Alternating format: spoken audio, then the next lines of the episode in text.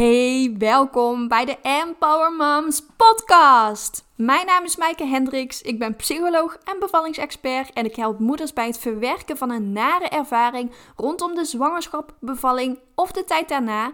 En daarnaast begeleid ik ze naar het stukje ontspannen moederschap, vooral in het eerste jaar na de geboorte. Afgelopen week was ik op Instagram aan het rondkijken en zag ik de geboortebeweging voorbij komen. Ik volg hen al een tijdje. En elk jaar geven ze aandacht aan verhalen van moeders die iets heftigs hebben meegemaakt rondom de zwangerschap, bevalling of de tijd daarna. En dat doen ze met de hashtag genoeg gezwegen. Dus allerlei verhalen komen voorbij van moeders die iets hebben meegemaakt. Die eigenlijk te maken hebben gehad met een stukje obstetrisch geweld. En obstetrisch geweld, dat klinkt enorm heftig. Ik zal even uitleggen wat het precies is, want obstetrisch geweld is een vorm van grensoverschrijdend en respectloos gedrag door zorgverleners in de geboortezorg. Ik dacht, ik ga hier een podcast over opnemen omdat het een te belangrijk onderwerp is om niet te bespreken en omdat ik heel veel cliënten dagelijks spreek die hiermee te maken hebben. Dus dit mag zeker meer aandacht krijgen, juist doordat het zo vaak voorkomt zorgverleners in de geboortezorg, dat gaat dan eigenlijk over de gynaecologen, de verloskundigen, de verpleegkundigen of de kraamverzorgenden. En helaas komt dit echt heel erg veel voor, want geschat wordt dat 54,4%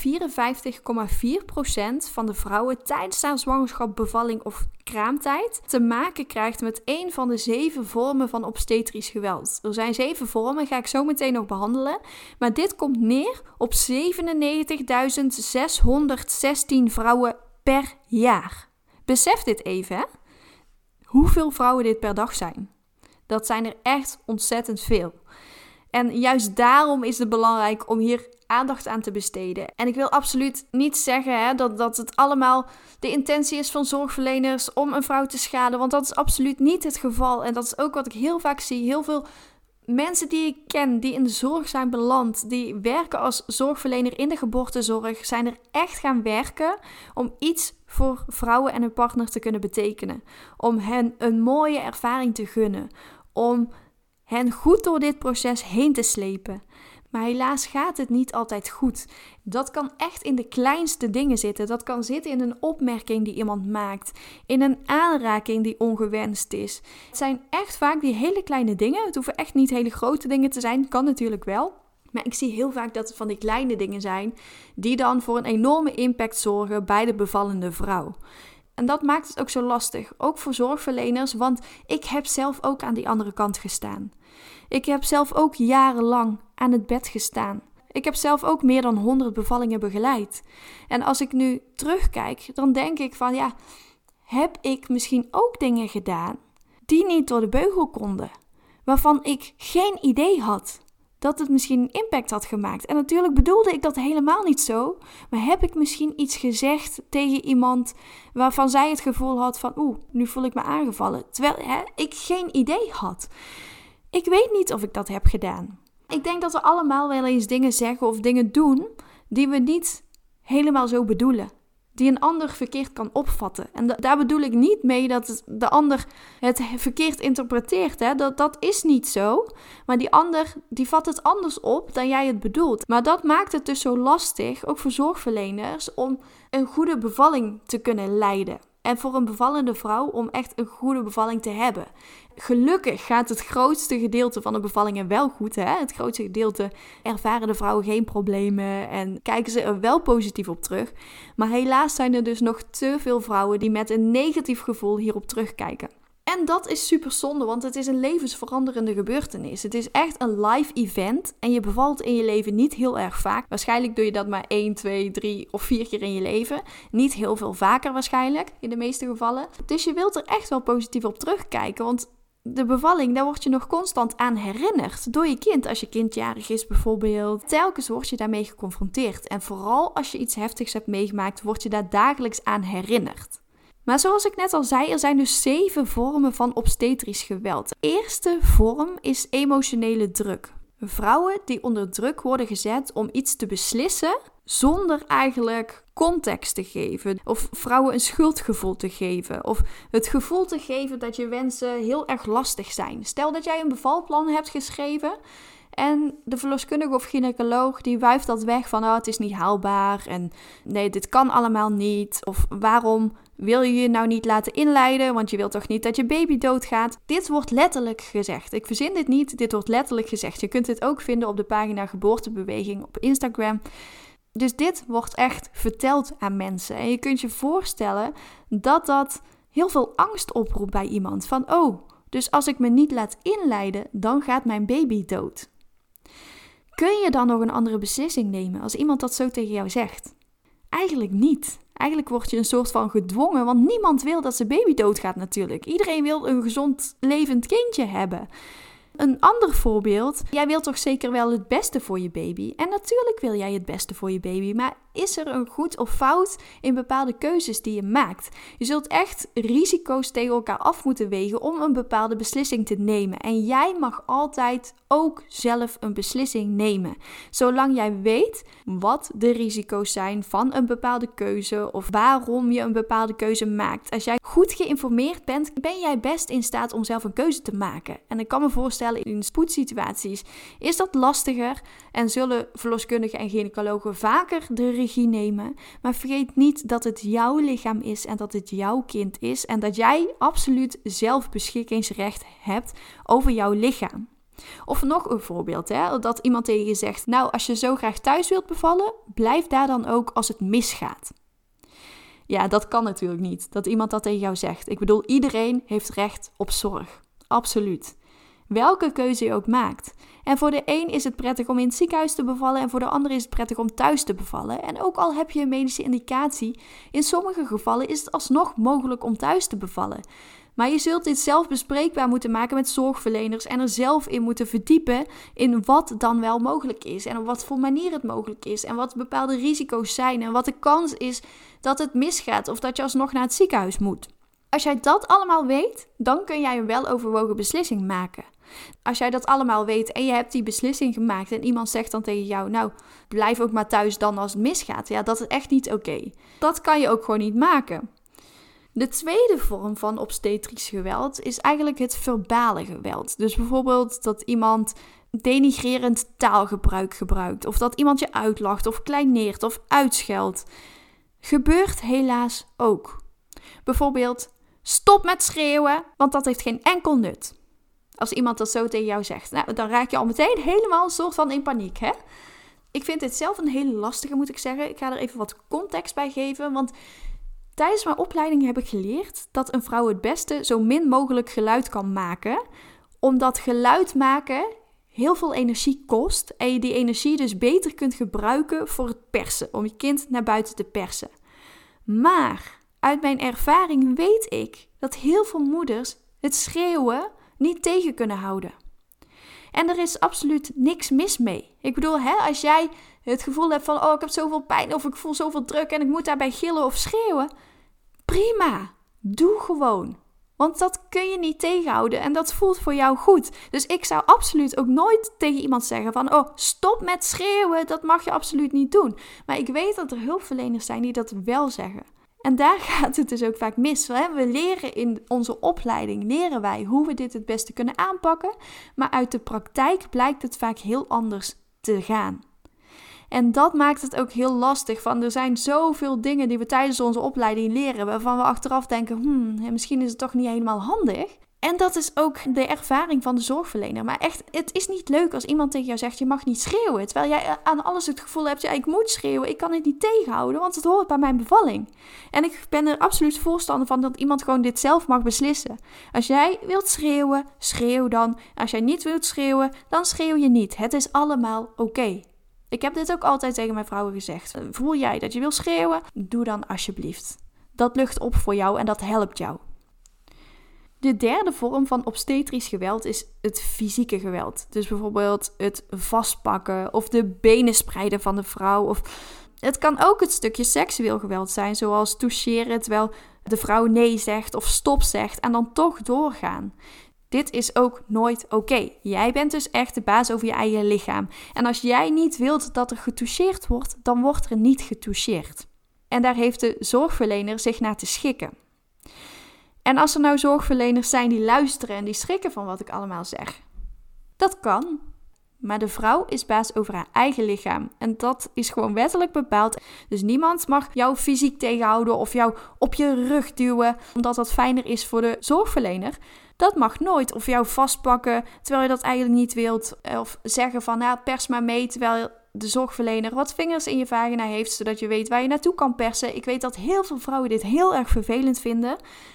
Dus dat kan ook echt het gevoel geven van: oké, ik ben geen baas over mijn eigen lijf. Ik wil dit niet en waarom wordt er niet naar me geluisterd? Sommige vrouwen, ook die ik spreek in mijn praktijk, geven aan dat dit voelt als een verkrachting. Dat hun bevalling voelde als een verkrachting.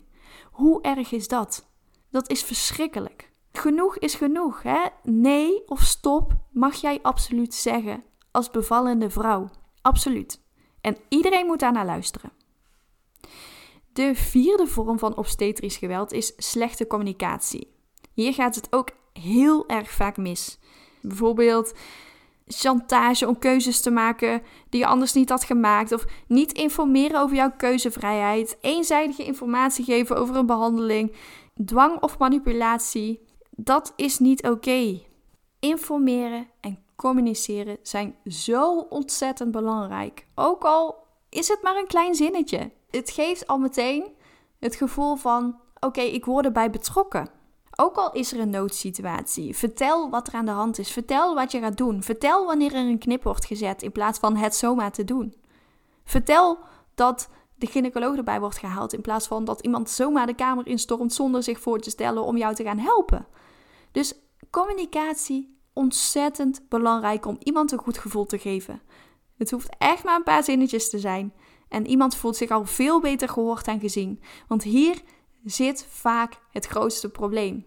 Echt, ik zie dit dagelijks. Dagelijks. Dat er niet wordt gecommuniceerd. Dat er niet wordt geïnformeerd en er zomaar wordt gedaan. En vrouwen die er jaren na de bevalling nog steeds niet goed op terug kunnen kijken, omdat ze dus niet werden meegenomen in het proces, omdat ze dus niet eigenlijk betrokken waren bij hun eigen bevalling, doordat er niet over werd gepraat wat er precies ging gebeuren. En dat zo'n machteloos gevoel gaf. Dit is zo ontzettend heftig. Dus heel erg belangrijk, goede communicatie. En zoals ik net al zei, hè, in Nederland krijgen per jaar dus meer dan 97.000 vrouwen te maken met één of meerdere vormen van obstetrisch geweld. En dat zijn er 266 per dag. 266 per dag obstetrisch geweld. Ik vind het echt bizar dat dat in deze tijd nog steeds kan. Ik kan er echt met mijn hoofd niet bij. De vijfde vorm van obstetrisch geweld is geen steun ervaren. Dus bijvoorbeeld alleen gelaten worden terwijl je dat niet wilt, of genegeerd worden, niet serieus genomen worden, of niet gevraagd worden wat je wensen zijn. Dat iemand zomaar dingen doet omdat het protocol is, terwijl jij in je bevalplan hebt geschreven dat je het anders wilde. Dat wat jij zegt wordt genegeerd. Dat als jij ligt te bevallen en je het gevoel hebt van, oh, de baby komt er nu uit of ik heb hulp nodig, dat er niemand is die naar jou toe komt. Dat je geen steun ervaart. Het is super heftig. Juist in zo'n heftige situatie als een bevalling wil je steun ervaren. Dan heb je andere mensen om je heen nodig om jou hier doorheen te kunnen begeleiden. En natuurlijk, sommige vrouwen vinden het echt niet fijn om mensen om zich heen te hebben en doen het liever zelf. En dat is ook helemaal oké. En dan is bijvoorbeeld een vorm van obstetrisch geweld dat iemand zich dan wel opdringt, terwijl de vrouw heeft aangegeven het liefst met rust gelaten te worden. Dus dat is ook weer het stukje geen keuzes respecteren. Komen we meteen ook op de volgende vorm van obstetrisch geweld. Dat is geen keuzevrijheid. Dus niet inlichten over die keuzevrijheid en geen vraag stellen, maar een mededeling doen. Zoals bijvoorbeeld we gaan een knip zetten of je moet naar het ziekenhuis. Geen toestemming vragen voor een behandeling. Ik was uh, laatst bij de gynaecoloog voor een onderzoek. Uh, er moest even iets gecontroleerd worden. En zij vroeg dus aan mij van, nou, ik wil eigenlijk even een inwendig onderzoek doen. Vind je dat oké? En ik vond dat zo mooi dat ze het vroeg. Ik heb haar ook echt gecomplimenteerd met de vraag van... Wauw, wat goed dat je dit vraagt. Want ik zie het ook heel vaak anders. Dus het zijn die kleine dingen. Van vind je het goed als ik dat doe? Vind je het oké? Is dat oké voor jou? Ga er niet van uit dat het oké is. En verpak het ook niet mooier dan het is. Hè? Ik las gisteren ook een bericht van iemand, van een gynaecoloog, die zei van... Nou, ik ga je even helpen om de baby eruit te laten komen en ik ga wat meer ruimte maken, oké? En die vrouw zei: Oké, want natuurlijk is het fijn als iemand jou helpt om de baby eruit te laten komen als je het zelf moeilijk hebt. En natuurlijk wil je wat meer ruimte, want het is al zo smal. Maar wat die vrouw dus niet in de gaten had, was dat die gynaecoloog bedoelde: van ik ga je helpen met de vacuümpomp en ik ga een knip zetten om meer ruimte te maken. Dus die consent, eigenlijk, hè, wat de gynaecoloog dus zegt van, oké, ja, weet je, ik heb het gevraagd, de vrouw is akkoord, dus ik heb toestemming. Die vrouw weet niet wat je bedoelt. Daar gaat het dus ook mis in die communicatie. Die vrouw heeft geen toestemming gegeven voor een vacuümpomp of voor een knip. Die heeft toestemming gegeven om te helpen meer ruimte te maken en om te helpen om de baby eruit te laten komen. Maar weet zij veel wat je bedoelt. Dus het gaat echt om dat stukje communicatie. De laatste vorm van obstetrisch geweld is discriminatie en stigma. Dus ja, vooroordelen op basis van afkomst, van huidskleur, sociale achtergrond, lichaamsbouw of een handicap van de zwangere. Helaas komt dit ook nog voor in deze tijd. Ik vind dat zelf echt verschrikkelijk. Ik denk van hoe kan het dat wij in 2022 leven en er nog steeds zo'n discriminatie bestaat? Van alle vormen, hè? Van het stukje BMI bijvoorbeeld. Als iemand wat zwaarder is dan gemiddeld of, of een, een donkerdere huidskleur heeft. Ik vind het echt niet oké om mensen daarop te beoordelen. En ik zie dit helaas ook te vaak voorbij komen. Dus wat ik met deze podcast eigenlijk wil, is een stukje bewustwording creëren. Ik wil geen angst creëren, absoluut niet. En vooral als je nu zwanger bent, maak je niet te veel zorgen.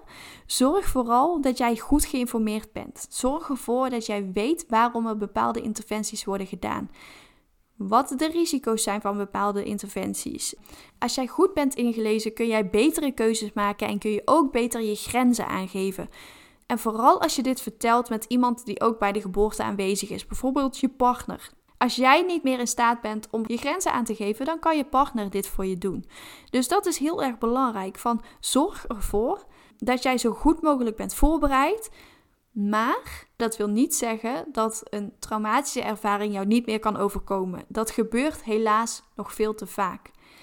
Gelukkig zijn er veel meer positieve ervaringen dan negatieve ervaringen. Dus ik wil je absoluut niet op het verkeerde been zetten met deze podcast. Want echt, de meest positieve en meest gelukkige verhalen hebben de overhand. En daar zijn we nog altijd heel blij om. Maar helaas, dit stukje, hè, die 97.000 vrouwen per jaar die dit wel moeten meemaken, dat stuk moet echt omlaag. Dus vandaar dat ik hier aandacht voor vraag en vandaar dat ik hier een podcast aan wijd.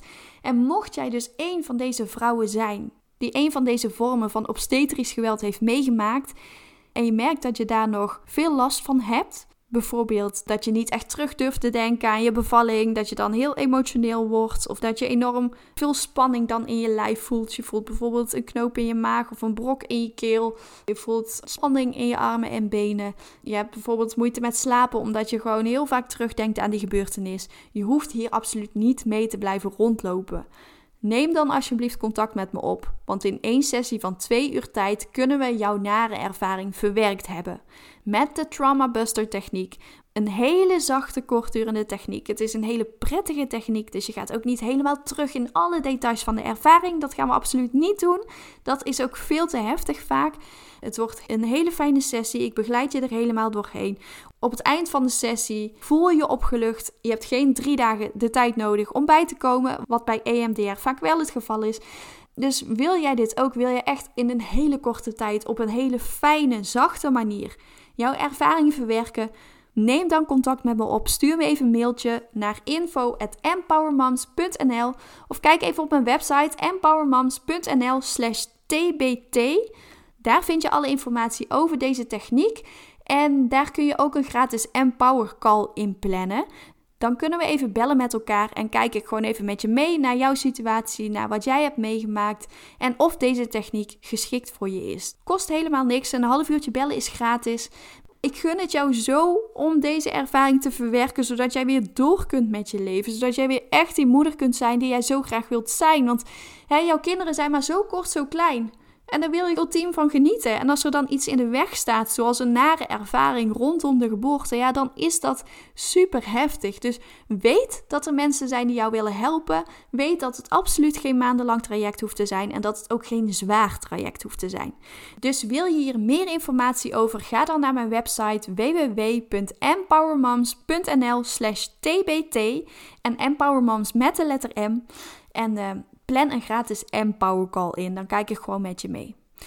Bedankt voor het luisteren naar deze podcast en tot de volgende keer.